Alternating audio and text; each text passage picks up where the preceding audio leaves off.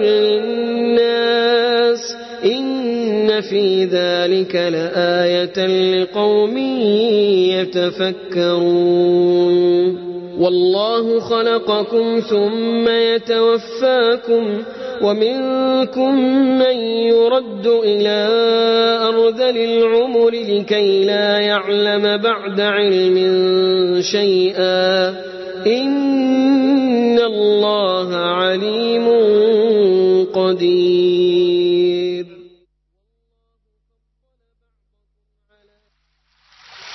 أفلا يتدبرون القرآن ولو كان من عند غير الله لوجدوا فيه اختلافا كثيرا.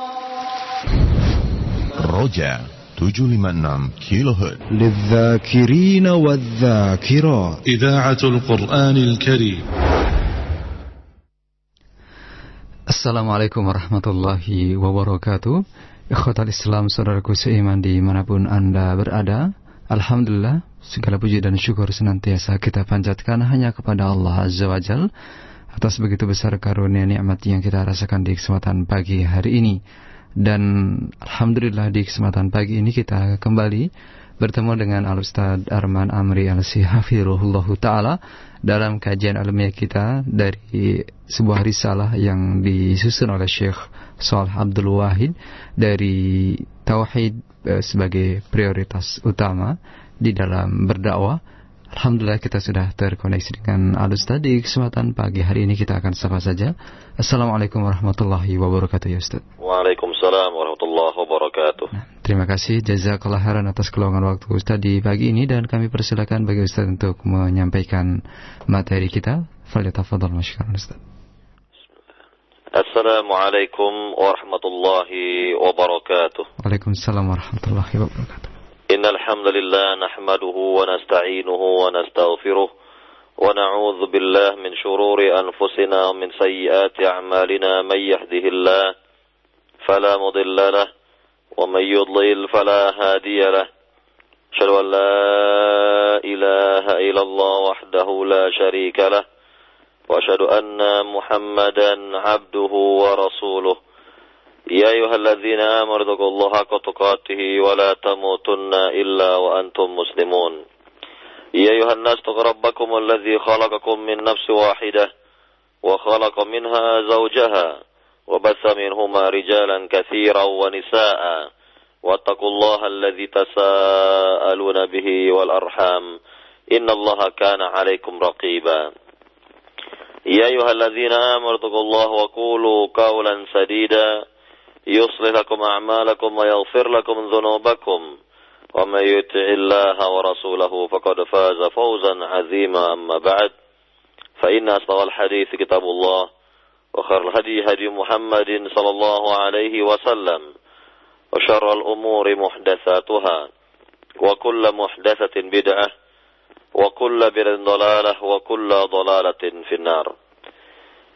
Para pendengar Radio Roja yang dimuliakan Allah Subhanahu wa taala. Alhamdulillah di pagi hari ini kita bisa berjumpa kembali di dalam membahas materi akidah dari kitab Al-Aqidatu Awwal Law Kanu Ya'lamun. Aqidah terlebih dahulu jika mereka mengetahui karya dari Syekh Salih Abdul Wahid hafizahullah yang telah kita jelaskan pada pembahasan terakhir dari kitab ini adalah bahwa akidah yang harus diprioritaskan terlebih dahulu sebelum yang lain dikarenakan pertama bahwa akidah sebagai dasar dan pondasi dalam kehidupan seorang muslim sebagaimana pondasi yang kuat diperlukan pada bangunan pondasi yang kokoh sangat diperlukan pada sebuah bangunan atau rumah apabila bangunan atau rumah itu ingin berdiri dengan tegak, dengan baik, dengan kuat, maka harus diperhatikan masalah pondasinya.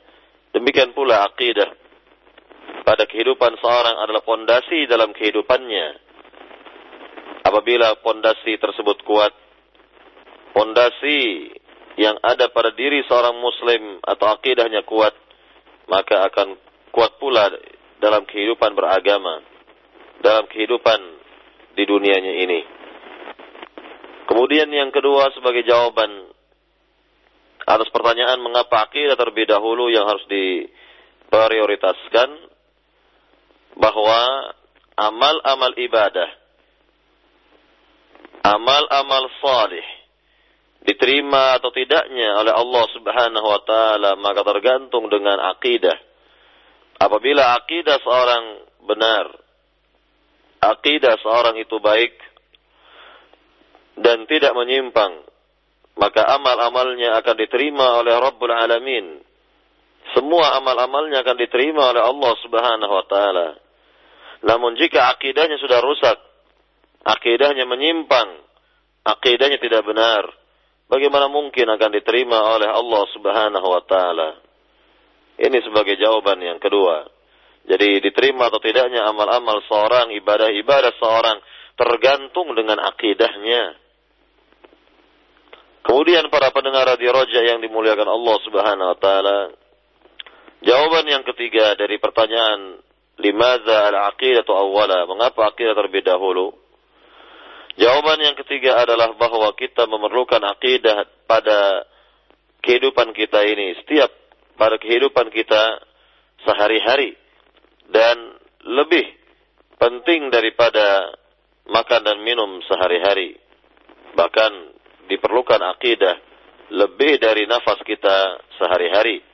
Maka inilah pentingnya masalah akidah yang memang mewarnai kehidupan seorang muslim pada setiap langkahnya, pada setiap kehidupannya, pada setiap nafasnya, pada setiap uh, aktivitasnya, semua haruslah diwarnai dengan akidahnya. Semua kehidupan seorang muslim, baik dia bang, uh, baru bangun dari tidurnya maupun mau sampai mau tidur kembali, semua haruslah terwarnai dengan akidahnya. Ini sebagai jawaban yang ketiga, mengapa akidah terlebih dahulu yang harus dipentingkan, yang harus diprioritaskan sebelum yang lain. Kemudian jawaban yang terakhir yang telah kita jelaskan pada perjumpaan eh, yang terakhir adalah bahwa eh, generasi yang terbina dengan akidah yang sahih, generasi yang terbina dengan akidah yang benar yang lurus, maka akan dapat menjawab tantangan-tantangan hidup, akan bersikap baik dalam semua keadaan hidupnya, baik ketika mendapatkan kebahagiaan, kebaikan-kebaikan, nikmat-nikmat maupun ketika mendapatkan keadaan yang sulit, keadaan yang menyedihkan atau keburukan-keburukan dalam hidup, maka sikapnya adalah benar. Ini semua adalah yakni uh, gambaran atau warna atau nilai dari akidah yang benar, akidah yang sahih.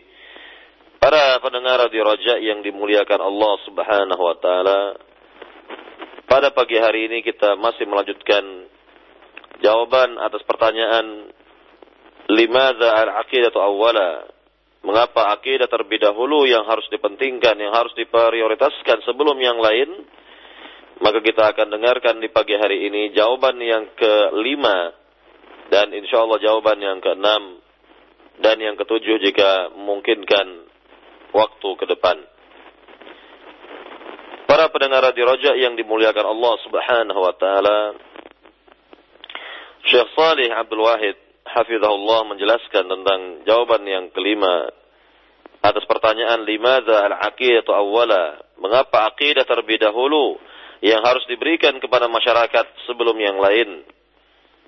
Beliau menjelaskan li'annaha hiya allati tadfa'u al-'abd إلى الطاعات والأعمال الصالحة فالعقيدة هنا بمثابة المحرك الذي يحرك الإنسان إلى العمل الصالح Akidah dapat mendorong seorang hamba untuk mengerjakan ketaatan-ketaatan dan amal-amal salih. Maka akidah di sini kata beliau seperti penggerak atau motor yang menggerakkan kehidupan manusia menuju amal salih. Jadi seorang hamba ketika melakukan aktivitas kebaikannya, mengerjakan amal-amal salih, mengerjakan ibadah-ibadah, kepada Rabbul Alamin, kepada Allah Subhanahu wa taala, maka sungguhnya yang menggerakkan hati orang tersebut, jiwa orang tersebut untuk melakukan kebaikan adalah akidahnya. Maka akidah yang sahih, akidah yang benar sudah pasti dapat menggerakkan hati seorang, menggerakkan jiwa seorang untuk melakukan amal saleh. Kegiatan-kegiatan yang baik, aktivitas yang benar menurut pandangan Rabbul Alamin Allah Subhanahu wa taala. Para pendengar radio Roja yang dimuliakan Allah Subhanahu wa taala.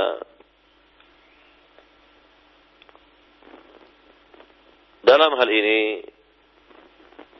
apabila seorang ingin mendapatkan kebahagiaan hidup baik di dunia maupun di akhirat tentunya dia atau hendaknya ia beramal saleh hendaknya dia beribadah kepada Allah Subhanahu wa taala dan ini di antara faktor mendapatkan kebahagiaan hidup di dunia maupun di akhirat. Bagaimana mungkin seorang akan bahagia kalau ia tidak beramal saleh? Bagaimana mungkin seorang akan menemukan kebahagiaan di dunia maupun di akhirat kalau ia tidak mau beramal saleh, beribadah kepada Allah Subhanahu wa taala? Maka Nabi yang mulia sallallahu alaihi wasallam memerintahkan kita untuk bersegera beramal saleh bersegera dalam beramal saleh. Nabi yang mulia sallallahu alaihi wasallam bersabda dalam hadis yang sahih dalam kitab Sahihul Jami' kata Nabi yang mulia badiru bil a'mali fitanan. Badiru bil a'mali fitana. Segeralah kalian atau bersegeralah kalian dalam beramal saleh sebelum datang kepada kalian fitnah-fitnah sebelum sampai kepada kalian berbagai macam fitnah dalam kehidupan ini. Maka inilah perintah dari Nabi yang mulia sallallahu alaihi wasallam agar kita bersegera menyegerakan untuk beramal saleh, tidak menunda-nundanya. Segera untuk melakukan amal saleh sebelum datang kepada kita berbagai rintangan, berbagai uh, fitnah dalam kehidupan ini yang tentunya akan mengganjal kita beramal saleh. Para jamaah yang dimuliakan Allah Subhanahu wa taala, maka sekali lagi bahwa akidah Islam, akidah yang benar dapat menggerakkan seorang untuk beramal saleh. Menggerakkan seorang untuk melakukan aktivitas kebaikan-kebaikan maka sekarang akan kita lihat beberapa contoh, beberapa contoh berkenaan dengan menyegerakan amal salih. Yang pertama adalah as-salawat al-maktubah. Ini salat-salat yang lima waktu yang telah Allah wajibkan atas kita semua untuk mengerjakannya. Salat-salat yang lima waktu. Hendaknya kita kerjakan. Dan kita pelihara waktu mengerjakannya sebagaimana Allah Subhanahu wa taala berfirman dalam ayat yang mulia dalam surat Al-Baqarah ayat 238 Allah Subhanahu wa taala berfirman hafizu 'ala salawati was salatil wusta wa qumu lillahi qanitin Nah, di awal ayat yang tadi disebutkan Allah perintahkan kita untuk menjaga salat-salat yang lima waktu. Hafidhu ala salawat, kata Allah. Jagalah oleh kalian salat-salat yang lima waktu. Jagalah oleh kalian salat-salat yang lima waktu. Nah ini perintah dari Allah subhanahu wa ta'ala. Dan hanya orang yang memiliki akidah yang sahih, akidah yang benar. Yang akan menjaga salat yang lima waktu ini. Bagi mereka akan bersegera menunaikan salat yang lima waktu sebagaimana tadi sabda Nabi yang mulia badiru bil a'mali fitana. Bersegeralah kalian dalam beramal salih sebelum datang kepada kalian berbagai macam cobaan berbagai macam fitnah dalam kehidupan ini. Maka berkenaan dengan salat pada waktunya Nabi sallallahu alaihi wasallam bersabda dalam hadis yang sahih riwayat Imam Bukhari Muslim kata Nabi yang mulia tentang pertanyaan salah seorang sahabatnya tentang afdalul a'mal. seutama-utama amal kata Nabi yang mulia as-salatu ala waktiha. Salat yang dikerjakan pada waktunya. Nah inilah sebagai contoh berkenaan dengan menyegerakan salat yang lima waktu. Maka akidah yang benar akidah yang sahih menggerakkan hati seorang. Menggerakkan hati seorang untuk mengerjakan salat yang lima waktu dan salat ini adalah seutama-utama amal. Dan bahkan amalan yang pertama kali yang akan dihisap oleh Allah Subhanahu wa taala kelak di negeri akhirat. Sebagaimana Nabi yang mulia sallallahu alaihi wasallam bersabda dalam hadis yang populer, kata Nabi yang mulia, "Awwalu ma yuhasabul 'abdu yaumil qiyamah as-salah." Yakni amalan yang pertama kali yang akan dihisap oleh Allah Subhanahu wa taala pada diri seorang hamba kelak di negeri akhirat adalah salatnya. Idza salahat salaha sairu amali wa idza fasadat fasada sairu amali. Jika salatnya benar, maka benar pula lah amal-amal yang lain dan jika salatnya sudah tidak beres, tidak benar, maka tidak benar pula amal-amal yang lain. Nah ini perintah dari Nabi yang mulia sallallahu alaihi wasallam untuk mengerjakan ibadah salat. Ibadah yang mulia. Ibadah yang sangat mulia. Maka Nabi yang mulia sallallahu alaihi wasallam telah menegaskan kepada kita tadi dalam hadisnya as-salatu ala waktiha. Salat pada waktunya. Para jamaah yang dimuliakan Allah Subhanahu wa taala, kita lihat sekarang antara orang-orang yang memiliki akidah yang benar dengan orang-orang yang tidak memiliki akidah yang benar. Artinya orang-orang yang memiliki akidah yang rapuh yang uh, sangat lemah.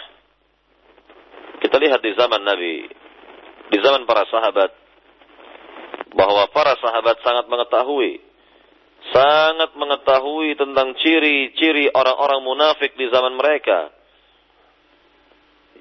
yaitu apabila diketahui seorang tidak salat di masjid Nabi, tidak salat berjamaah di, di zaman itu tanpa alasan syar'i, alasan yang dibenarkan oleh agama, maka sudah pasti dikatakan sebagai orang munafik.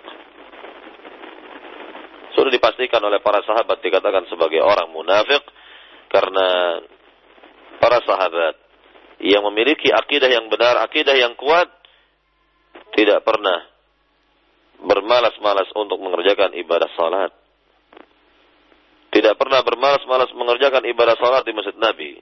Maka dalam hal ini kita lihat pernyataan dari sahabat Nabi yang mulia Ibnu Mas'ud. Ibnu Mas'ud radhiyallahu an beliau pernah mengatakan man sarrahu ayulqi Allah taala gadan muslima ay man sarrahu ay yamuta ala al-islam ويبعث يوم القيامة على الإسلام فليحافظ على هؤلاء الصلوات حيث ينادي بهن في المساجد فإن الله شرع لنبيكم سنن الهدى وإنهن أي الصلوات الخمس من سنن الهدى kata Ibnu Mas'ud radhiyallahu an barang siapa kelak di negeri akhirat ingin berjumpa dengan Allah yakni maksudnya adalah barang siapa yang berkeinginan mati dalam atau di atas agama Islam dan kelak dibangkitkan di hari kiamat yakni berada pada agama Islam maka hendaknya ia menjaga salat-salat yang lima waktu pada saat azan dikumandangkan di masjid-masjid. Karena sungguhnya Allah Subhanahu wa taala telah syariatkan kepada nabi kalian tentang petunjuk-petunjuk dan salat yang lima waktu termasuk dari petunjuk Nabi yang mulia sallallahu alaihi wasallam. Walau annakum kata beliau, walau annakum sallaitum fi buyutikum kama yusalli hadzal mutakhallaf fi baitihi la taraktum sunnata nabiyikum wa la taraktum sunnata nabiyikum la dalaltum wa laqad ra'ayna wa ma yatakhallaf anha ay an salatil jamaah illa munafiqun ma'lumun nifaq. Kata beliau radhiyallahu an, jika kalian meninggalkan salat atau jika kalian salat di rumah kalian sebagaimana orang yang menyelisihi ini ya, yang dimaksud adalah orang munafik di zamannya yang memang sengaja tidak salat di masjid Nabi, tidak mau berjamaah di salat di masjid Nabi, sebagaimana orang yang menyimpang ini, maka kalian telah meninggalkan sunnah Nabi kalian. Dan jika kalian sengaja meninggalkan sunnah Nabi kalian, maka kalian akan tersesat. Sebagaimana yang kami lihat dari orang yang menyimpang ini dari salat berjamaah, maka tidaklah diketahui kecuali ia adalah orang munafik yang benar-benar diketahui kemunafikannya. Maka dikatakan oleh uh, Ibnu Mas'ud, illa munafiqun ma'lumun nifaq. Nah ini yang kita lihat di zaman beliau radhiyallahu an, maka sangatlah jelas siapa-siapa yang dikatakan orang munafik di zaman Nabi yang mulia di zaman para sahabat, maka tinggal dilihat pada salatnya. Lebih-lebih ya salat-salat ya tentunya salat-salat yang lima waktu dalam hal ini dan uh, tentunya apa yang dinyatakan oleh Ibnu Mas'ud tidak langsung dapat dipraktekkan di zaman kita sekarang ini karena kebanyakan kaum muslimin di zaman kita sekarang ini belumlah memahami, belumlah menyadari tentang pentingnya salat yang lima waktu tersebut. Artinya masih banyak di antara mereka yang sengaja menyengaja salat di rumah-rumah mereka misalnya, ataupun di antara mereka masih banyak yang tidak salat. Tentunya karena faktor malas, kebanyakan dari mereka meninggalkan salat karena faktor malas. Maka kita lihat dalam hal ini, tentu berbeda antara masyarakat di zaman dahulu di zaman para sahabat di mana masyarakat di zaman para sahabat umumnya mereka sudah mengenal sunnah Nabi yang mulia wasallam. Mereka faham tentang ajaran Islam. Mereka mengerti apa yang disampaikan Rasulullah wasallam. Dan ini sangat berbeda dengan masyarakat kita di zaman kita sekarang ini, di mana masyarakat di zaman kita sekarang ini tidak faham. Kebanyakan mereka tidak faham atau belumlah faham tentang ajaran Islam yang sebenarnya, tentang ya, masalah akidah yang sebenarnya maka tidak dapat langsung dipraktekkan di zaman kita sekarang ini apa yang dinyatakan oleh sahabat yang mulia Ibnu Mas'ud radhiyallahu an. Para jamaah yang dimuliakan Allah Subhanahu wa taala, para pendengar di Raja yang dimuliakan oleh Allah Subhanahu wa taala, ini sebagai gambaran berkenaan dengan yakni keadaan masyarakat di zaman Ibnu Mas'ud sahabat Nabi yang mulia ini, maka di zaman beliau sudah dapat dinyatakan bahwa orang yang tidak peduli dengan salat yang lima waktu ini sudah dinyatakan sebagai kaum munafik yang betul-betul diketahui kemunafikannya dan e, tentunya orang-orang munafik adalah golongan minoritas di negeri Madinah yang dapat diketahui fulan-fulan fulan sebagai orang munafik terlebih e, ada pimpinan orang-orang munafik di zaman itu yaitu Ibnu Salul ya Ibnu Salul Abdullah bin Ubay bin Salul yaitu atau Ibnu Salul yang dikatakan sebagai pemimpin orang-orang munafikin dan hal ini sangat diketahui Rasulullah sallallahu alaihi wasallam. Para jamaah yang dimulakan Allah Subhanahu wa taala, ini yang kita lihat contoh dari orang yang uh, tidak memiliki akidah yang kuat uh, tidak memiliki akidah yang benar, maka kita lihat sekarang gambaran mengenai orang yang memiliki akidah yang benar. Orang yang memiliki akidah yang kuat. Masih di zaman para sahabat. Yang dijelaskan oleh sahabat Nabi yang mulia Ubay bin Ka'ab. Bahwa Ubay bin Ka'ab berkata di sini, "Kana rajulun minal ansar. La a'lamu ahadan ab'ad minal masjid minhu kanat la تخطئه الصلاة أي لا يفوته صلاة خلف رسول الله صلى الله عليه وسلم فقال فقيل, فقيل له أو قلت له لو اشتريت حمارا تركبه في الظلماء وفي الرمضاء. قال ما يسرني أن منزلي إلى جنب المسجد.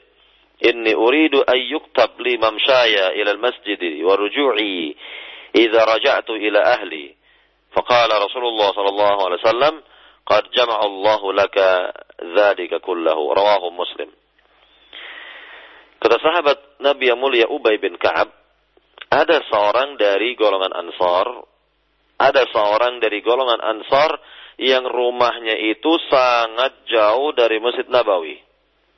Dan aku tidak mengetahui orang yang lebih jauh rumahnya dari orang ini.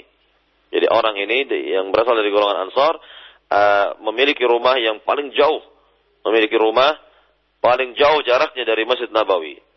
Kemudian ia berkata kepada Ansari ini, ya, jika engkau membeli seekor keledai yang dapat engkau tunggangi menuju masjid dalam keadaan ya gelap dan juga di siang hari agar cepat langkahmu menuju masjid maka orang ini mengatakan yang aku inginkan adalah agar aku agar langkah-langkahku agar setiap langkah-langkahku ini dihitung oleh Allah Subhanahu wa taala diganjar oleh Allah Subhanahu wa taala. Nah, inilah yang diinginkan oleh si Ansari ini agar setiap langkahnya ini diganjar diberi pahala oleh Allah Subhanahu wa taala. Maka apa yang menimbulkan, apa yang menyebabkan orang ini ya ini tetap mempertahankan uh, jarak yang jauh. Jarak antara rumah dengan Masjid Nabi sangatlah jauh tentu tidak lain adalah karena akidahnya yang benar.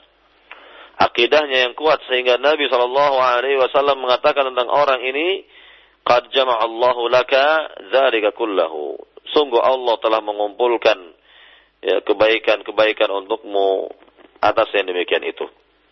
Allah Subhanahu wa taala akan memberikan ganjaran yang besar, pahala yang besar atas sikap yang seperti ini. Nah, inilah yang dinyatakan oleh Rasulullah sallallahu alaihi wasallam nah, atau yang atas yang atas apa yang dinyatakan oleh Rasulullah sallallahu alaihi wasallam eh, bagi sahabatnya ini maka tidak lain ya ini merupakan gambaran dari akidah sahabat ini yang benar, akidahnya yang kuat, akidahnya yang bagus, akidahnya yang lurus. Para jamaah yang dimuliakan Allah Subhanahu wa taala sekali lagi ini merupakan ya gambaran dan nilai dari akidah yang benar. Sehingga ini adalah praktek praktek langsung dari sabda Nabi yang mulia badiru bil a'mali fitana. Badiru bil a'mali fitana. Bersegeralah kalian dengan amal-amal salih bersegeralah kalian dalam beramal salih sebelum tiba kepada kalian berbagai macam fitnah berbagai macam ujian. Para pendengar radio Raja yang dimuliakan Allah Subhanahu wa taala. Nah, inilah yang kita lihat dari contoh yang pertama mengenai salat yang lima waktu. Hendaknya kita bersegera di dalam mengerjakan salat yang lima waktu dan tidak.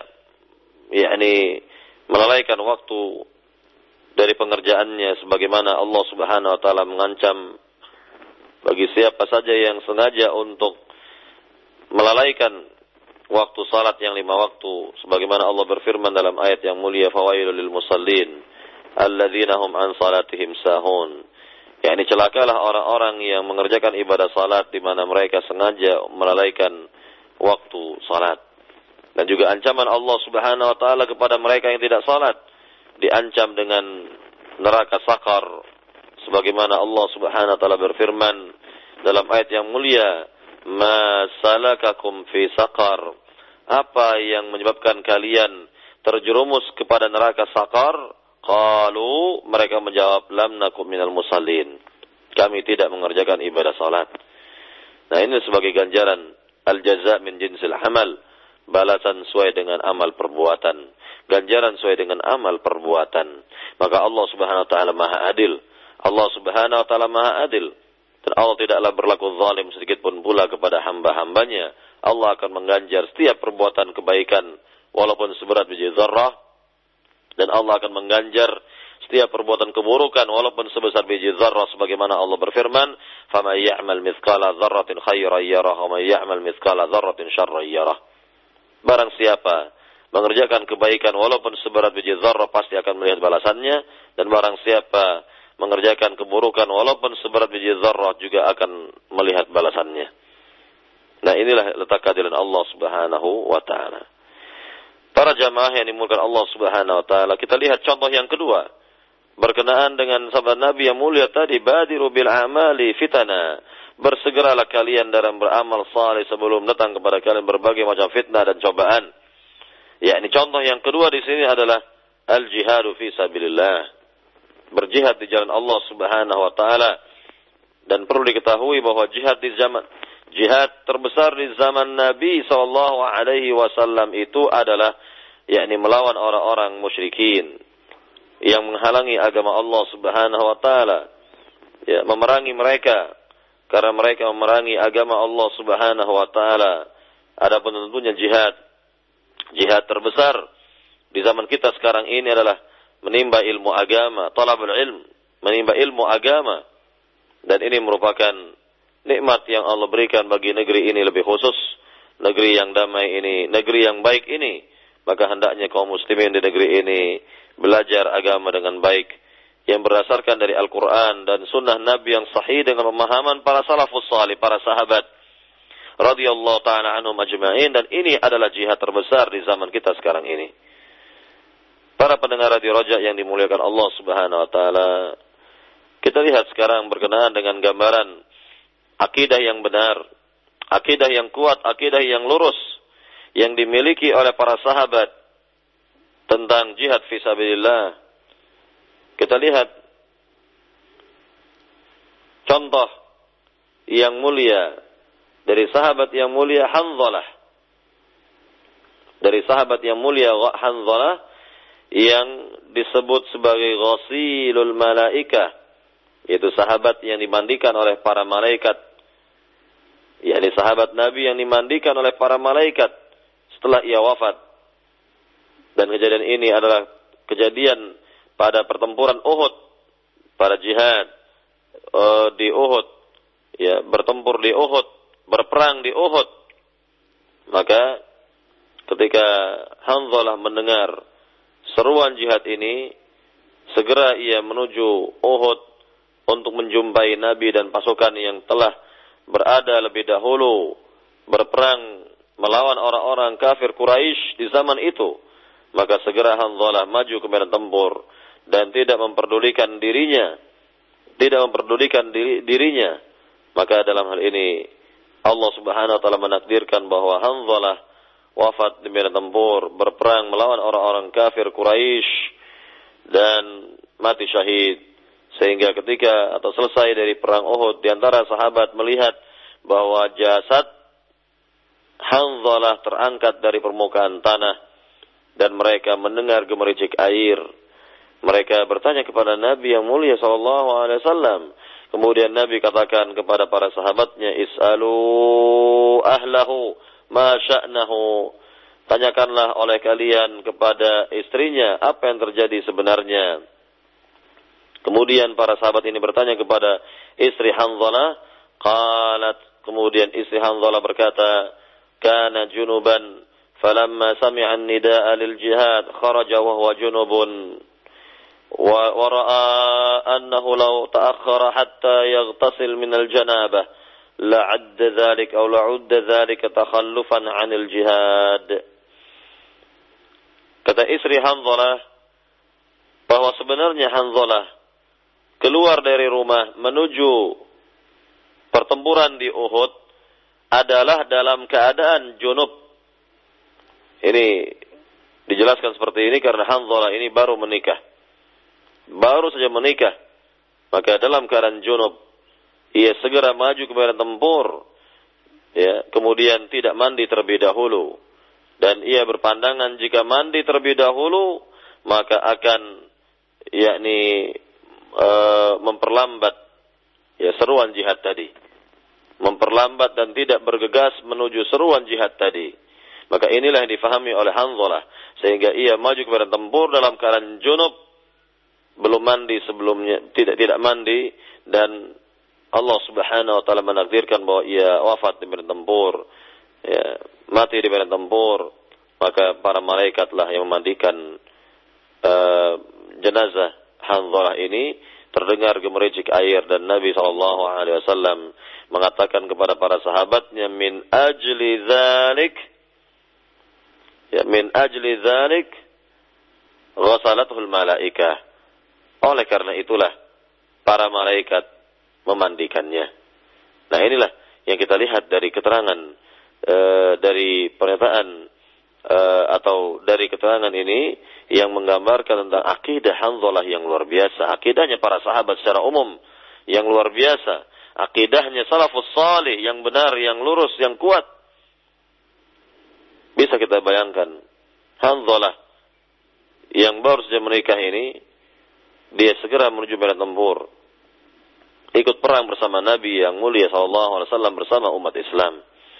Dia sendiri tidak memperdulikan dirinya yang jelas-jelas dalam keadaan junub dan ia segera berperang melawan orang-orang kafir Quraisy dan mati syahid dalam pertempuran tersebut mendapatkan kemuliaan dari Allah Subhanahu wa taala.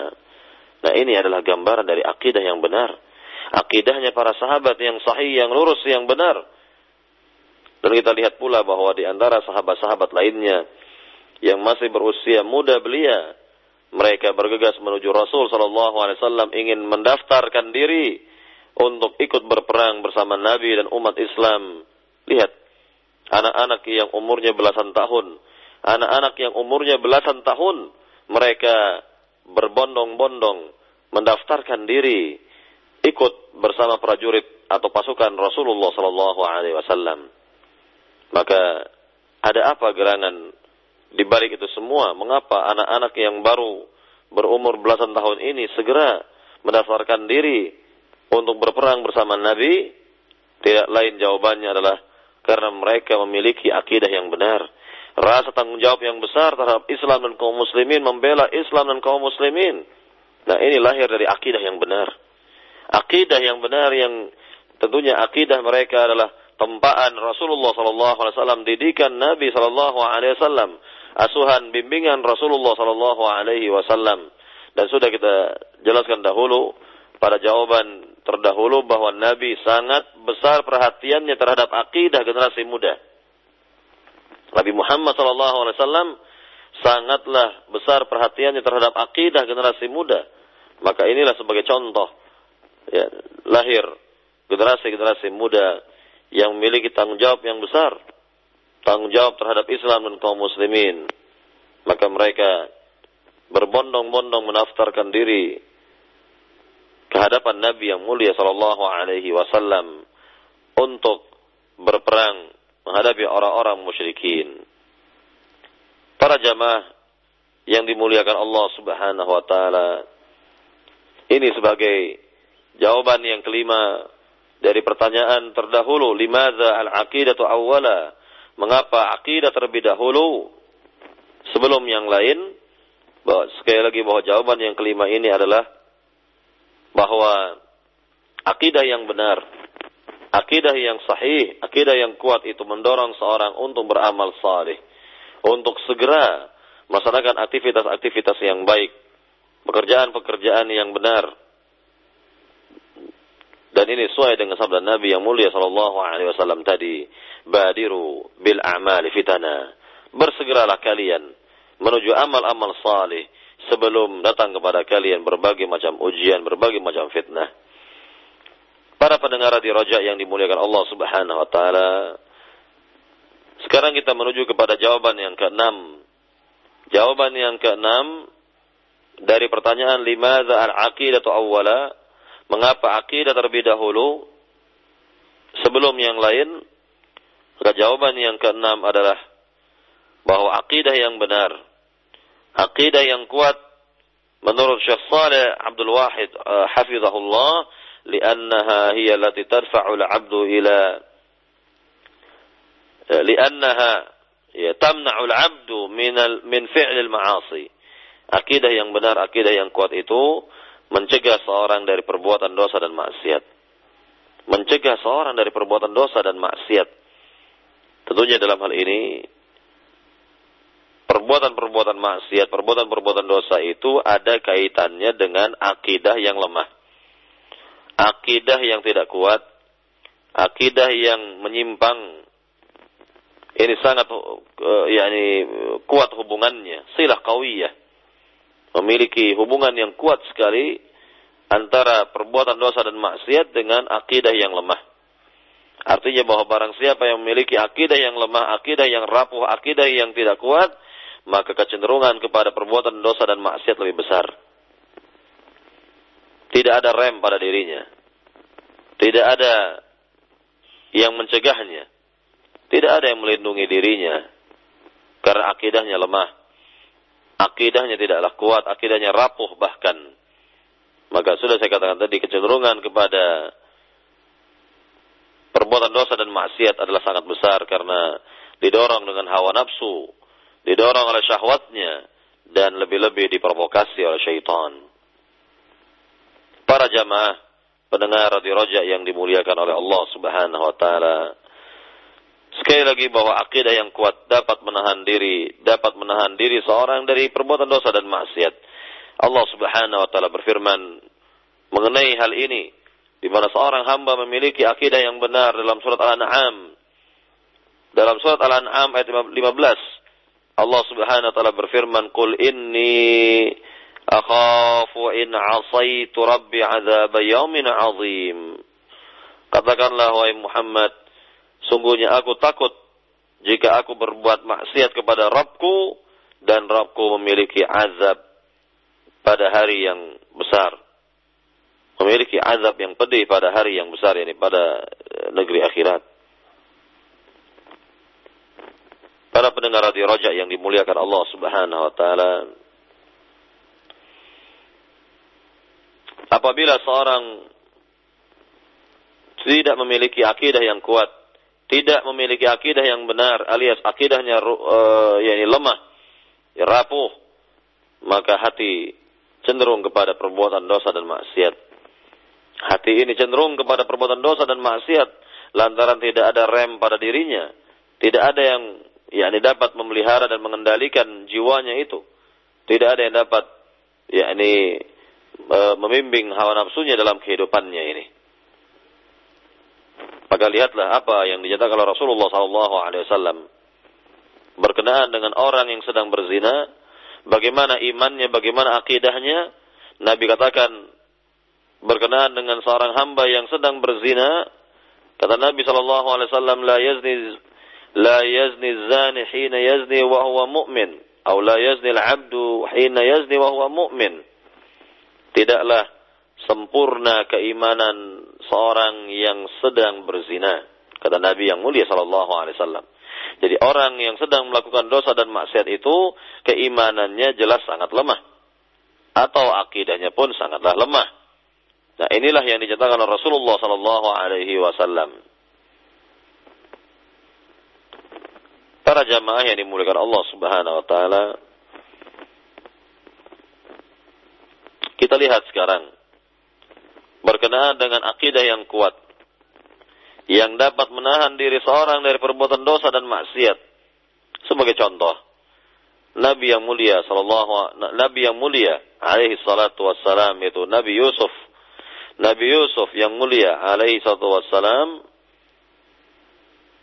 memiliki akidah yang benar. Memiliki akidah yang kuat pada saat beliau masih muda. Berada pada rumah istri pejabat kerajaan negeri Mesir. Maka pada saat ia bersama wanita tersebut, tidak ada orang lain yang melihatnya. Maka wanita tadi mengajak Nabi Yusuf untuk berbuat yang tidak baik. Mengajak untuk berzina. Maka wanita tadi berkata kepada Nabi Yusuf, Hai talak, kemarilah engkau bersenang-senang denganku. Maka ini adalah ajakan wanita dari seorang istri pejabat kerajaan negeri Mesir.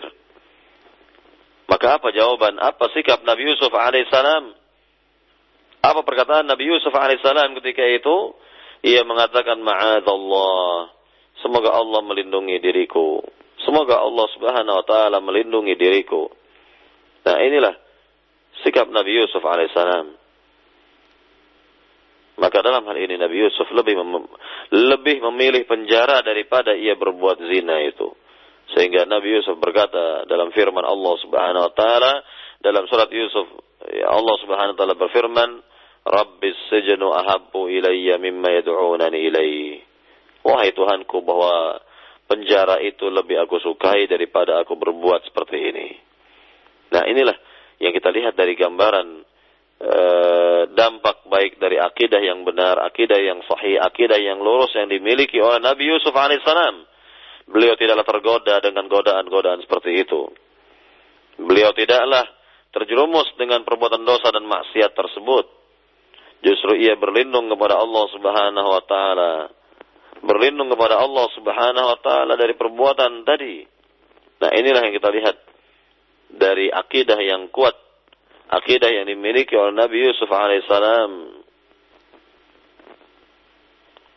Para pendengar radio Roja yang dimuliakan Allah Subhanahu wa taala. Kita lihat gambaran yang kedua atau contoh yang kedua berkenaan dengan akidah yang benar, akidah yang kuat yang dapat mengingatkan seorang dari perbuatan dosa dan maksiat maka dalam hal ini kita lihat seorang dari tiga orang yang terjebak di gua tiga orang dari Bani Israel yang mana mereka terjebak di gua karena mulut gua itu tertutup dengan batu yang besar. Tidak dapat mereka keluar darinya. Maka di antara mereka berdoa kepada Allah Subhanahu wa taala dengan menjadikan amal salihnya dahulu yang dirasa ikhlas karena Allah sebagai tawassul sebagai wasilah antara dirinya dengan Allah Subhanahu wa taala.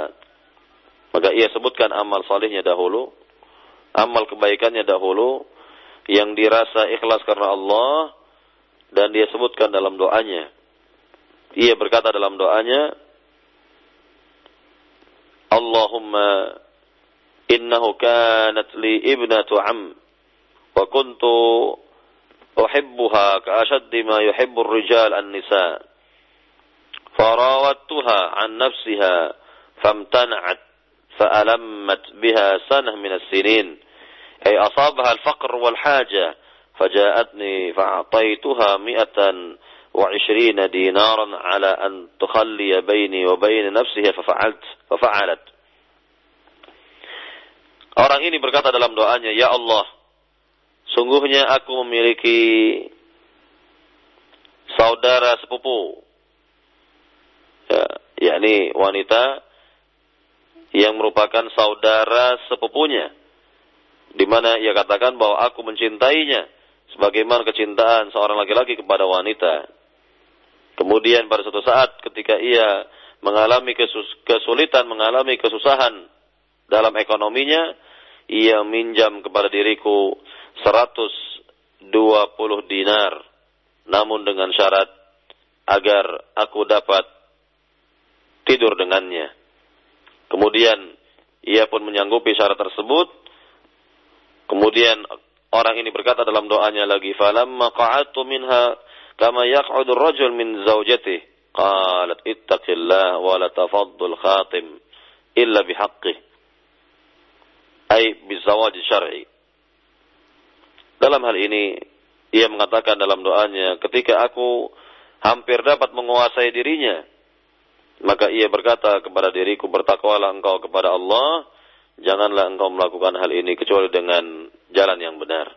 Maka ia ingatkan diriku atas Allah, ingatkan diriku kepada Rabbul Alamin, maka aku ingat, aku teringat kepada Allah Subhanahu wa taala kemudian ia mengatakan pula فقمت عنها ولم أزني بها وتركت لها العشرين ومئة دينار اللهم إن كنت فعلت ذلك ابتغاء وجهك fafarrij anna ma nahnu fihi fanfarajat as-sakhrah. Ia pun mengatakan kemudian aku pun bergegas menghindari dirinya dan aku berikan 120 dinar itu ikhlas untuknya karena Allah Subhanahu wa taala. Aku berikan untuknya ikhlas karena Allah Subhanahu wa taala. Kemudian ia katakan ya Allah, jika aku lakukan hal itu dahulu karena mengharapkan wajahmu, maka keluarkanlah kami dari gua ini. Maka disebutkan di sini bahwa batu tersebut bergeser dengan izin Allah Subhanahu wa taala, maka ini adalah yakni gambaran dari akidah yang benar, akidah yang dimiliki oleh orang ini akidahnya mengingatkan dirinya agar ia tidak berbuat dosa dan maksiat. Akidahnya memelihara dirinya, menjaga dirinya agar ia tidak terjerumus kepada perbuatan dosa dan maksiat tersebut. Para jamaah yang dimuliakan Allah Subhanahu wa taala, inilah yang kita lihat sebagai contoh bahwa akidah dapat memelihara diri seorang hamba. Akidah dapat memelihara kehidupan seorang di dunia ini dan kelak di negeri akhirat. Para jamaah yang dimuliakan Allah Subhanahu wa taala, kita lihat pada contoh yang berikutnya lagi berkenaan dengan kekeliruan yang dilakukan oleh Nabi Adam dan Hawa ketika berada di surga memakan buah larangan di mana Allah Subhanahu wa taala menyatakan terlebih dahulu dan tentunya Nabi Adam dan Hawa ini segera bertaubat kepada Allah Subhanahu wa taala dan tentunya taubat yang segera ini adalah menunjukkan tentang akidah Nabi Adam yang benar. Akidah Nabi Adam yang yang lurus yang kuat dalam hal ini segera dia bertaubat kepada Allah Subhanahu wa taala. Dan Allah Subhanahu wa taala nyatakan dalam ayat yang mulia, Alam anhakuma antilkuma syajarah wa aqul lakuma inna syaitana lakuma adu mubin. Qala rabbana zalamna anfusana wa illam taghfir lana wa tarhamna lanakunanna minal khasirin. Allah Subhanahu wa taala berfirman yang artinya bukankah aku telah melarang kalian berdua dari pohon tersebut dan aku telah mengatakan kepada kalian berdua sungguhnya syaitan itu adalah musuh nyata bagi kalian berdua Kemudian keduanya berkata kepada Rabbul Alamin, Wahai Rabb kami, kami telah menzalimi diri kami sendiri. Jika engkau tidak mengampuni kesalahan kami ini dan tidak menyayangi kami, sungguh kami akan termasuk dari orang-orang yang merugi. Nah inilah sikap yang benar. Sikap yang benar dari hamba Allah subhanahu wa ta'ala yang salih. Nabi yang mulia Adam alaihissalam. Segera ia menyadari kesalahannya. Segera ia bertaubat kepada Allah subhanahu wa ta'ala. Segera ia menyesali perbuatannya. Maka inilah gambaran dari orang yang memiliki akidah yang benar. Maka siapa saja dari kaum muslimin di zaman sekarang ini jika melakukan kesalahan atau perbuatan dosa atau maksiat maka segeralah yakni bertaubat kepada Allah Subhanahu wa taala dan ini adalah gambaran dari akidah yang benar. Bertaubat kepada Allah Subhanahu wa taala dan tentunya orang yang beriman boleh jadi tergelincir dalam perbuatan dosanya, boleh jadi tergelincir dalam kesalahannya, dalam kekeliruannya, sebagaimana yang kita lihat dari ketergelinciran Nabi Adam alaihissalam, namun ia segera bertaubat kepada Allah Subhanahu wa taala, ya menyesalkan perbuatannya itu, tidak mau mengulanginya lagi dan tentunya bertekad untuk tidak kembali kepada perbuatan yang sama itu. Maka inilah yang kita lihat ber, yakni sebagai gambaran dari akidah yang benar, akidah yang kuat, akidah yang bagus yang dimiliki oleh seorang hamba maka tidak ada manusia yang maksum. Tidak ada manusia yang maksum kecuali Nabi Muhammad sallallahu alaihi wasallam di mana Rasulullah sallallahu alaihi wasallam dipelihara oleh Rabbul Alamin, dijaga oleh Allah Subhanahu wa taala. Maka hendaknya kita segera dan segera bertaubat kepada Allah Subhanahu wa taala atas kekeliruan, kesalahan, penyimpangan, ketergelinciran yang kita lakukan dalam kehidupan ini. Setiap hari kita beristighfar kepada Allah Subhanahu wa taala eh, agar dosa-dosa kita diampuni oleh Rabbul Alamin, oleh Allah Subhanahu wa taala dan ini adalah gambaran dari akidah yang benar. Gambaran dari akidah yang lurus, akidah yang bagus di mana seorang hamba segera ingat kepada Rabbul Alamin, bertobat kepada Allah Subhanahu wa taala.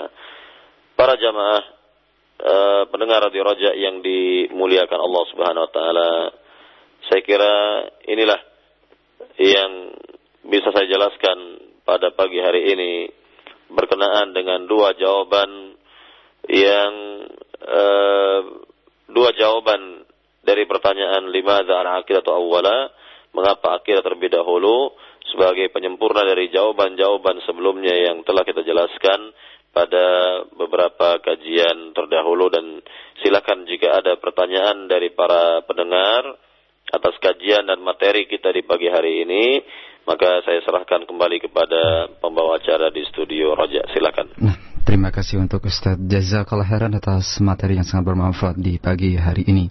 Saudara Kusiman untuk selanjutnya, sebagaimana yang Ustadz sampaikan tadi, kami akan membuka sesi tanya jawab untuk Anda yang akan bertanya di kesempatan pagi ini melalui pesan singkat di 0819896543 atau melalui telepon di 0218236543. Baik Ustaz, kita angkat pertanyaan yang datang dari pesan singkat terlebih dahulu dari Pak Daryadi di Cipayung yang bertanya, Ya Ustaz, bagaimanakah amalan-amalan orang tua kami yang dulu tidak mengetahui akidah yang benar dan belum datang uh, dakwah menuju akidah yang benar.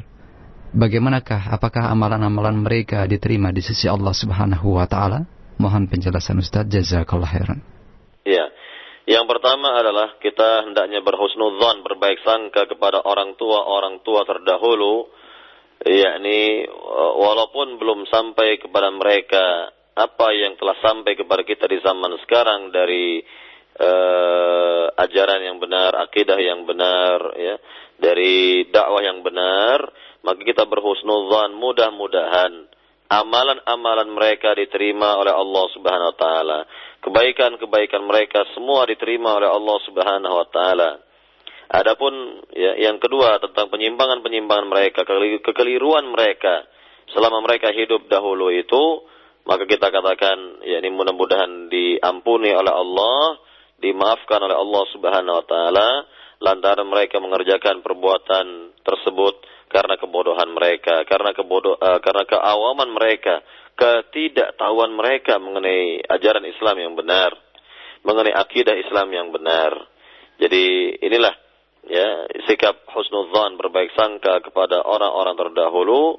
Ya ya sekali lagi mudah-mudahan pertama amal-amal mereka diterima oleh Allah Subhanahu wa taala.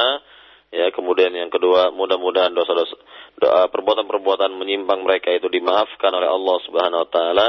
Karena sungguhnya uh, uh, apa namanya ke, uh, keawaman atau ketidaktahuan merupakan uzur syar'i, uzur yang dibenarkan oleh agama dan uh, ketidaktahuan seorang itu uh, uh, yakni akan dimaafkan oleh Allah Subhanahu wa taala atau perbuatan-perbuatan menyimpangnya itu atau ketergelincirannya itu akan dimaafkan oleh Allah Subhanahu wa taala. Kemudian yang ketiga, kita sebagai anak juga terus dan menerus terus menerus berdoa kepada Allah Subhanahu wa taala untuk kebaikan orang tua yang sudah meninggal tadi, kepada mereka-mereka yang telah mendahului kita agar mereka eh, diberikan kebaikan-kebaikan oleh Allah di alam kuburnya, diterima amalnya, ditempatkan di tempat yang baik ya kelak di negeri akhirat. Nah inilah uh, yang uh, bisa saya jawab dari pertanyaan tadi. Wallah taala alam. Nah, baik terima kasih atas jawaban Ustadz. Berikutnya dari pendengar kita di Bogor yang bertanya uh, yang berikut ini, ya Ustadz bagaimanakah dengan orang-orang uh, yang sholatnya rajin, kemudian ibadah-ibadah lainnya juga menampakkan uh, kerajinannya, tetapi memiliki akidah dan manhaj yang menyimpang, semisal uh, akidah atau manhaj khawarij. Bagaimanakah korelasinya dengan materi yang baru saja dibahas? Mohon penjelasan Ustaz Jazakallah khairan. Iya, berkenaan dengan hal ini pertama bahwa akidah kaum khawarij memang tidak menghalangi mereka untuk beribadah kepada Allah Subhanahu wa taala. Maka kita lihat keterangan dari Nabi yang mulia sallallahu alaihi wasallam bahwa kaum Khawarij ya, ibadahnya itu melebihi ibadahnya para sahabat bahkan. Ibadah mereka itu melebihi ibadahnya para sahabat. Ya, baca Qur'annya, salatnya dan lain sebagainya melebihi ibadahnya para sahabat bahkan. Maka uh, akidah mereka ini, akidah mereka yang menyimpang, uh, ada beberapa akidah mereka yang menyimpang maka secara umum tidak menghalangi mereka untuk beribadah kepada Allah Subhanahu wa taala. Jadi tentunya di sini ada yakni penyimpangan dari pemahaman akidah. Penyimpangan dari pemahaman yakni sebagian akidah e, dan mereka tergelincir dalam hal ini namun dari sisi ibadah mereka adalah orang-orang yang banyak beribadah kepada Allah Subhanahu wa taala namun sangat disayangkan kalaulah mereka membaca Al-Quran misalnya, bahwa mereka membaca Al-Quran kata Nabi tidaklah eh, yakni lebih dari tenggorokan mereka, artinya tidak dapat diresapi di hati mereka, tidak dapat dipetik pelajaran berharga dari Al-Quran yang dibaca. Nah ini sangat disayangkan. Jadi ibadah mereka banyak, namun sangat disayangkan tidak mempengaruhi kehidupan mereka, tidak mempengaruhi kehidupan mereka di dunia karena sikap mereka sikap yang eh, tidak baik terhadap orang-orang di luar golongannya dan eh, ini sangat disayangkan. Ya jadi dari sisi banyaknya memang banyak. Mereka beribadah, banyak mereka beribadah kepada Allah. Namun dari sisi kualitasnya, nah ini sangat disayangkan bahwa mereka beribadah namun tidak berpengaruh pada kehidupan mereka, tidaklah berdampak baik dalam kehidupan mereka, justru kebalikannya mereka yakni ya, menyimpang jauh dari pemahaman agama yang benar. Dan inilah yang sangat disayangkan dan yang telah diterangkan oleh Rasulullah SAW sebagaimana contoh Nabi katakan yaqra'una al-Qur'an la tajawazuna hanajirahum mereka baca Al-Quran namun tidak lewat dari tenggorokan mereka. Jadi sebatas di tenggorokan saja, tidak sampai ke hati mereka, tidak dapat diresapi di hati mereka. Nah inilah yang sangat disayangkan pada kehidupan kaum khawarij tersebut Wallahu taala alam. Nah, terima kasih atas jawaban Ustaz. Berikutnya dari pesan singkat kembali dari Abu Huzaifa di Lubuk, Sulawesi Tenggara yang bertanya, ya Ustaz tadi dijelaskan bahwasannya sholat adalah tolak ukur setiap amalan kita. Jika sholatnya benar maka baiklah uh, amalan-amalannya. Begitu juga sebaliknya apabila uh, sholat tidak benar maka akan berakibat pada uh, tidak benarnya amalan-amalan tersebut uh, yang dilakukan oleh orang tersebut. Yang jadi pertanyaan apakah jika sholat kita tidak benar maka amalan-amalan ibadah lain semisal sodako atau amalan-amalan uh, ibadah lainnya uh, terpengaruh oleh uh, ketidakbenaran sholat tersebut atau apakah amalan-amalan lain di luar sholat tersebut akan tertolak dan tidak diterima Allah Subhanahu wa taala? Mohon penjelasan Ustaz. Jazakallahu khairan. Iya, jadi yang dimaksud dari sabda Nabi yang mulia sallallahu alaihi wasallam, "Idza salahat salaha sairu amali wa idza fasada fasada sairu amali." Apabila ibadah salat itu baik, maka baik pula lah amal-amal yang lain dan jika salatnya sudah rusak, rusak pula lah amal-amal yang lain. Maksud dari hadis Nabi yang mulia ini adalah apabila seorang hamba memperhatikan salat dengan baik sesuai dengan sunnah Rasul dia perhatikan gerakan-gerakan dan bacaan-bacaannya sesuai dengan sunnah Nabi contoh Rasul Wasallam ya dikerjakan betul-betul dari takbir sampai salam diupayakan diusahakan dengan maksimal. Sesuai dengan contoh Nabi Muhammad Wasallam maka insya Allah ia pun akan mengerjakan amal-amal yang lain akan melandasi amal-amal yang lain juga dengan sunnah Nabi yang mulia. Kalau amal-amal lain juga sudah diupayakan, diusahakan dengan contoh Rasul, sesuai dengan contoh Nabi Muhammad, tentunya akan diterima oleh Allah Subhanahu wa taala. Akan diterima oleh Allah Subhanahu wa taala. Nah, ini yang dimaksud. Jadi kalau seorang kebalikannya tidak memperhatikan tidak memperhatikan salatnya, tidak ya ini mengerjakan ibadah salat sesuai dengan contoh Rasul, ya ini dikerjakan asal-asal saja, tidak sesuai dengan contoh Rasul sunnah Nabi, lalu bagaimana dengan amal yang lain? Nah. Jadi amal sholatnya saja sudah berantakan seperti ini, maka amal yang lain juga akan terimbas, akan terwarnai tidak baik, tidak sesuai dengan contoh Rasul Shallallahu Alaihi Wasallam. Kalau dikerjakan tanpa sunnah Rasul, bagaimana akan diterima oleh Allah Subhanahu Wa Taala? Sebagaimana Nabi yang mulia bersabda, "Man amila amalan laisa alaihi amruna fahuwa raddun." Barang siapa mengamalkan amalan yang tidak ada contohnya dari kami, tidak sesuai dengan contoh kami, maka amal tersebut tertolak. Ditolak oleh Allah Subhanahu wa taala. Nah. nah, jadi inilah ya yang dimaksud dari salat sebagai barometer atas amal-amal yang lain, salat sebagai patokan ya sebagai uh, ya timbangan bagi amal-amal yang lain, maka hendaknya kita perhatikan salat kita, hendaknya kita salat sesuai dengan contoh Rasul sunnah Nabi yang mulia sallallahu alaihi wasallam. Gerakan-gerakan yang kita perhatikan mulai dari takbir sampai salam sebagaimana Rasul bersabda dalam hadis yang sahih dalam riwayat Imam Bukhari, Kata Nabi yang mulia, "Sallu kama ra'aitumuni usalli." Salatlah kalian sebagaimana kalian melihat aku salat. Salatlah kalian sebagaimana kalian melihat aku salat. Jadi betul-betul diperhatikan salat Nabi yang kita ambil dari hadis-hadis beliau yang sahih dengan penjelasan para ulama. Nah inilah yang benar. Jadi kita perhatikan salat dan insya Allah akan kita perhatikan pula amal-amal yang lain sesuai dengan contoh Nabi Muhammad SAW. Dengan demikian insya Allah akan diterima amal-amal kita yang lain Nah. ya, oleh Allah Subhanahu Wa Taala. Nah silakan ya. Baik, terima kasih atas jawaban yang Ustaz sampaikan. Berikutnya dari penelpon yang pertama kita angkat dari Ibu Novi di Tanah Abang, Jakarta Pusat. Silakan. Halo, Assalamualaikum. Waalaikumsalam warahmatullahi Silakan Ibu. Assalamualaikum Ustaz. Waalaikumsalam warahmatullahi wabarakatuh. Ya, Nah, gini Ustaz, saya mau tanya, apakah bagaimanakah cara atau mungkin ada metode-metode menyampaikan kepada orang tua tentang akidah yang lurus. Hmm. Terkadang kalau kita menyampaikan malah justru menyakitkan hati orang tua, jadi membuat kita juga sedih. Iya. Assalamualaikum Ustaz. Nah, Waalaikumsalam warahmatullahi wabarakatuh. Terima kasih Ibu. Silakan Ustaz. Iya, eh, ini adalah eh, masalah penting dalam kehidupan ini. Artinya kita mendakwahkan orang yang terdekat terlebih dahulu sebelum orang lain. yakni kita mendakwahkan eh, orang tua terlebih dahulu sebelum kita mendakwahkan eh, yang lainnya. Maka lihatlah bagaimana dakwah Nabi yang mulia Nabi Ibrahim kepada orang tuanya.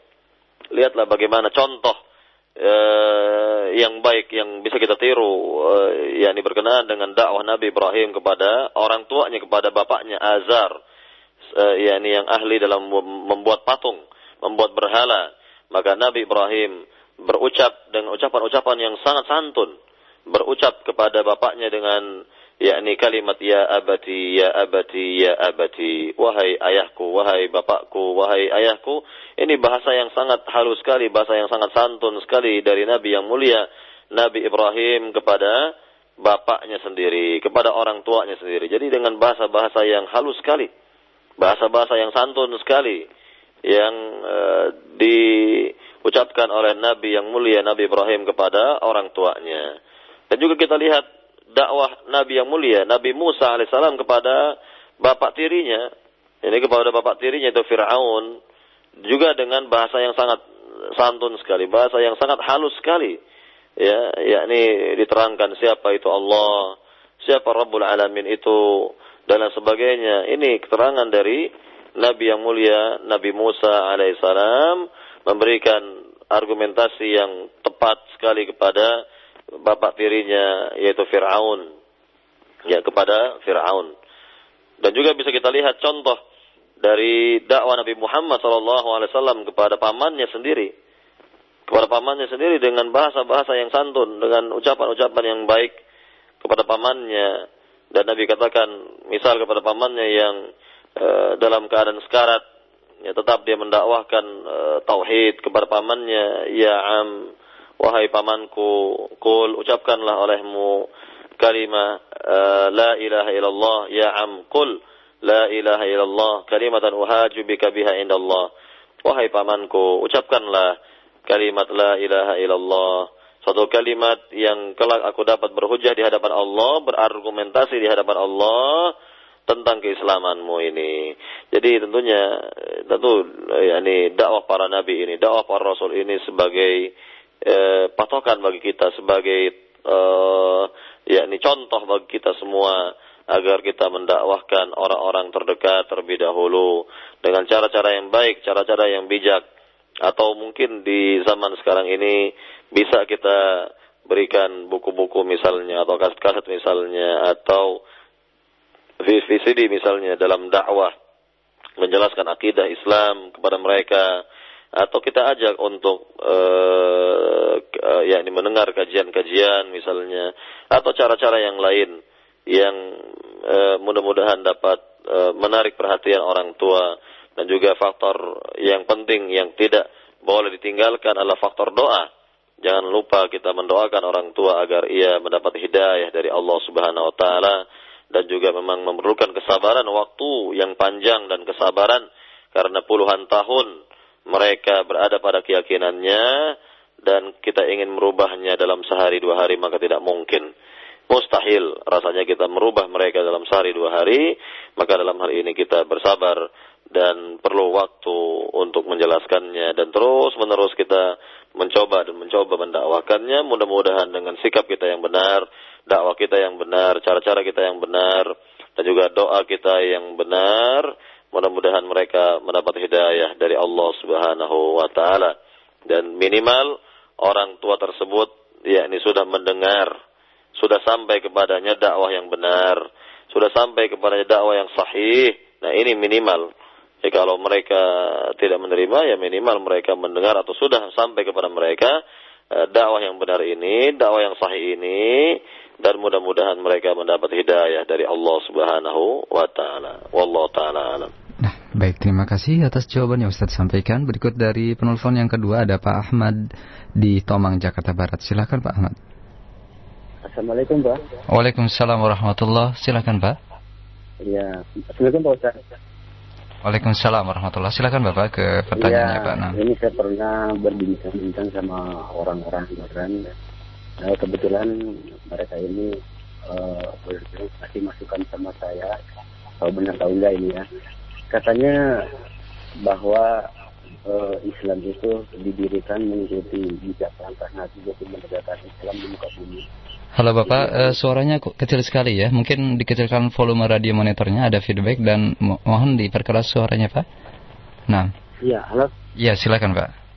Ya begini Pak, saya pernah berbincang-bincang sama orang dan mereka ini mengajak sama saya yaitu untuk gabung dengan kelompoknya yaitu katanya sih Darul Islam hmm. sebagaimana katanya Darul Islam ini adalah akses untuk menuju tegaknya syariat Islam yeah. di muka bumi katanya begitu pak mm.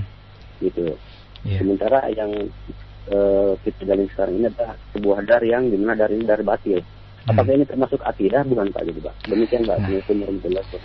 Waalaikumsalam warahmatullahi wabarakatuh. Terima kasih Pak Ahmad. Silakan mungkin Ustaz bisa men, uh, uh, meningat, uh, tolong diulangi, diulangi lagi Baik, pertanyaan. Dari Pak Ahmad tadi, eh, beliau pernah berbincang-bincang dengan seseorang yang menga yang mengajak untuk uh, bergabung dengan kelompok uh, yang menamakan diri sebagai Darul Islam dan menyebutkan bahwasannya dar atau negara saat ini adalah negara yang batil begitu dan Darul Islam merupakan akses uh, atau sarana menuju tegaknya syariat Islam di muka bumi ini. Mohon penjelasan apakah ini termasuk bagian dalam akidah atau apa? Silakan. Iya, uh, yang pertama memang di zaman kita sekarang ini adalah zaman fitnah.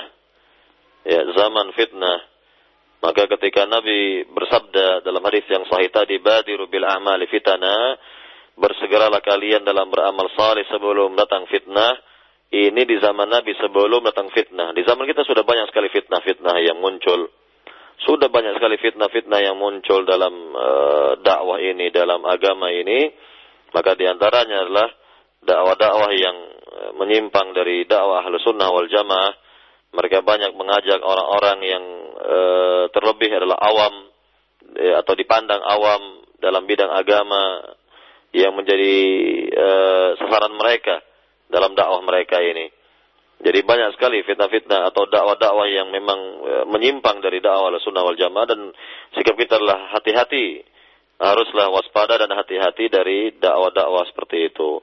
Kemudian yang kedua, ya di mana eh, sebagian orang mengajak untuk mendirikan uh, atau menegakkan syariat Islam di negeri ini misalnya, maka ketahuilah bahwa menegakkan syariat Islam itu bagian atau termasuk dari mukammilat atau tauhid. Penyempurna dari tauhid. Penyempurna dari tauhid. Jadi bukan pokok ya, bukan pokok dari tauhid itu sendiri. Yang pokok dari tauhid itu adalah mengajak orang untuk mengikhlaskan ibadah hanya kepada Allah Subhanahu wa taala. Sebagaimana inti dakwah para nabi para rasul itu mengajak umat kepada tauhid agar mereka mengikhlaskan ibadah hanya kepada Allah Subhanahu wa taala. Nah, ini baru pokok namanya. Ini yang utama. Adapun tadi menegakkan syariat Islam, menegakkan hukum Islam, ya, atau yang semisalnya itu adalah penyempurna dari tauhid. Jadi harus kita ya ini bedakan mana yang disebut penyempurna tauhid, mana yang disebut dengan ya pokok dari tauhid atau yang utama dari tauhid itu sendiri. Jadi jangan kita balik dan jangan kita tukar dalam hal ini. Maka kita utamakan, kita dahulukan adalah pokok daripada cabangnya. Kita utamakan yang pokok daripada cabangnya. Ya, daripada cabangnya. Nah, kita tegakkan yang pokok ini terlebih dahulu agar umat Islam di negeri ini bertauhid kepada Allah, menjauhkan berbagai macam syirik dan insya Allah secara otomatis cabang-cabang ini akan ya, akan e, tumbuh dengan baik, akan ya berkembang dengan baik. Cabang-cabangnya ini akan berdiri dengan tegak dengan baik dengan izin Allah Subhanahu wa taala. Nah, ini yang diperlukan, ini yang difahami harus yang harus difahami bahwa siapa saja yang mengajak kepada penegakan syariat Islam, siapa saja yang mengajak kepada bahkan mendirikan khilafah Islamiyah, maka hendaknya mereka mendirikan tauhid terlebih dahulu, mendirikan ya yakni ibadah kepada Allah Subhanahu wa taala terlebih dahulu, menegakkan tauhid terlebih dahulu sebelum yang lain. Makanya tadi dikatakan al-aqidah awwala laukanu ya'lamun dari judul kitab ini. Yaitu akidah terlebih dahulu akidah terlebih dahulu jika mereka mengetahuinya. Ya, akidah terlebih dahulu jika mereka mengetahuinya. Hmm. Jadi hendaknya kita hindari dakwah-dakwah yang seperti ini, kita jauhi dakwah-dakwah yang seperti ini tidak jelas yang yang tidak jelas yang e, menyimpang dari dakwah Rasulullah SAW dan para sahabat dan lihatlah dakwah Nabi Muhammad menegakkan akidah terlebih dahulu 13 tahun di negeri Mekah dan 10 tahun di negeri Madinah. Itulah yang diprioritaskan oleh beliau sallallahu alaihi wasallam ketika mendirikan negeri Islam uh, berdirinya negeri Islam yang pertama tegaknya masyarakat Islam yang pertama dalam sejarah kaum muslimin ini maka akidah sangat diprioritaskan oleh Rasulullah sallallahu alaihi wasallam baik di Mekah maupun di Madinah dan tidak beliau tinggalkan masalah akidah ini ya dan tentunya bisa kita lihat di akhir uh, wafatnya beliau atau menjelang wafatnya Nabi Shallallahu Alaihi Wasallam justru sabda yang keluar dari beliau adalah berkenaan dengan masalah akidah di mana beliau menyatakan bersabda dalam hadis yang sahih menjelang wafatnya beliau beliau nyatakan la'anallahu al-yahuda wan nasara ittakhadhu qubur anbiya'ihim masajid semoga Allah melaknat orang-orang Yahudi dan Nasrani yang telah menjadikan kubur-kubur nabi-nabi mereka sebagai tempat ibadah. Nah, justru apa yang dikhawatirkan oleh Rasul ini, apa yang dikhawatirkan oleh Nabi Muhammad menjelang wafatnya terjadi di negeri kita. Terjadi, betul-betul terjadi di negeri kita, banyak sekali kubur-kubur ya di negeri kita ini yang disembah, yang dipuja, yang didatangi, diziarahi, kemudian disalahgunakan ziarah tersebut atau disimpangkan ziarah tersebut kepada kesyirikan. Dan itulah kebanyakan umat ini tidak faham mengenai akidahnya sehingga mereka terjerumus kepada syirik. Terjerumus kepada kesyirikan menyembah kubur atau meminta-minta kepada orang yang sudah mati atau lain sebagainya dari perbuatan-perbuatan yang menyimpang yang berkenaan dengan masalah kubur ini. Jadi sekali lagi bahwa Nabi yang mulia Nabi Muhammad SAW menegakkan akidah terlebih dahulu, memprioritaskan akidah terlebih dahulu sebelum yang lain. Maka jadilah masyarakat pertama, generasi pertama sebagai generasi yang baik, generasi yang bagus, generasi yang kuat akidahnya dan mereka menguasai dunia ini. Dan inilah yang penting yang harus diingatkan kembali kepada kaum muslimin di negeri ini apabila umat ini ingin jaya kembali, ingin mulia kembali, maka hendaknya mereka kembali atau mengembalikan ya kepada apa yang telah terjadi di zaman dahulu, kemuliaan, kejayaan di zaman dahulu tercapai karena mereka akidahnya benar, agama mereka benar, ya diridhoi oleh Allah Subhanahu wa taala. Baiklah para pendengar di Rojak yang dimuliakan Allah Subhanahu wa taala, saya kira inilah pembahasan kita pada pagi hari ini. Mudah-mudahan apa yang dibahas ini bermanfaat. Lebih kurangnya saya mohon maaf. Wallahu taala alam sallallahu Muhammad walhamdulillah rabbil alamin. Subhanakallahumma bihamdika asyhadu la ilaha illa anta astaghfiruka wa atubu ilaik. Assalamualaikum warahmatullahi wabarakatuh. Waalaikumsalam warahmatullahi wabarakatuh. Terima kasih jazakallah khairan untuk Ustaz yang telah meluangkan waktunya dan menyampaikan uh, materinya di kesempatan pagi hari ini dari pembahasan risalah karya Syekh Saleh Abdul Wahid dari pembahasan akidah, prioritas utama dakwah. Semoga bermanfaat apa yang telah beliau sampaikan. Terima kasih juga untuk Anda para pendengar di mana pun Anda yang telah menyimak dan mengikuti kajian kita di kesempatan pagi hari ini. Semoga Allah Subhanahu wa taala memberikan keberkahan untuk kita semua. Saudaraku seiman di mana pun Anda berada, untuk uh, selanjutnya kami akan hadirkan ke ruang dengar Anda lantunan tilawah Al-Quranul Karim. Dan saat ini pukul 7.21 menit waktu Indonesia Barat. Nantikan kajian ilmiah berikutnya di kesempatan hari ini pukul 8 waktu Indonesia Barat. Kajian dari pembahasan Kitab Syarah Akidah Wasitiyah bersama Al-Ustaz Mauludi Abdullah LC Hafirullahu Ta'ala. Demikian khotal iman. Terima kasih kebersamaan Anda sekali lagi dan mohon maaf atas segala kekurangan dan kekhilafan kami. Mohon maaf yang sebesar-besarnya untuk Anda yang telah menyampaikan pertanyaan namun karena keterbatasan waktu kami tidak bisa ajukan keseluruhan pertanyaan Anda. Kami undur diri. Wassalamualaikum warahmatullahi wabarakatuh.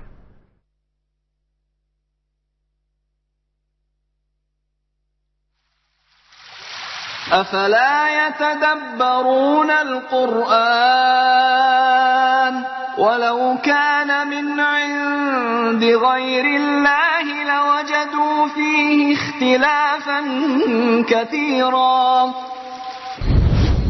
رجع 756 كيلو هرتز للذاكرين والذاكرات. إذاعة القرآن الكريم.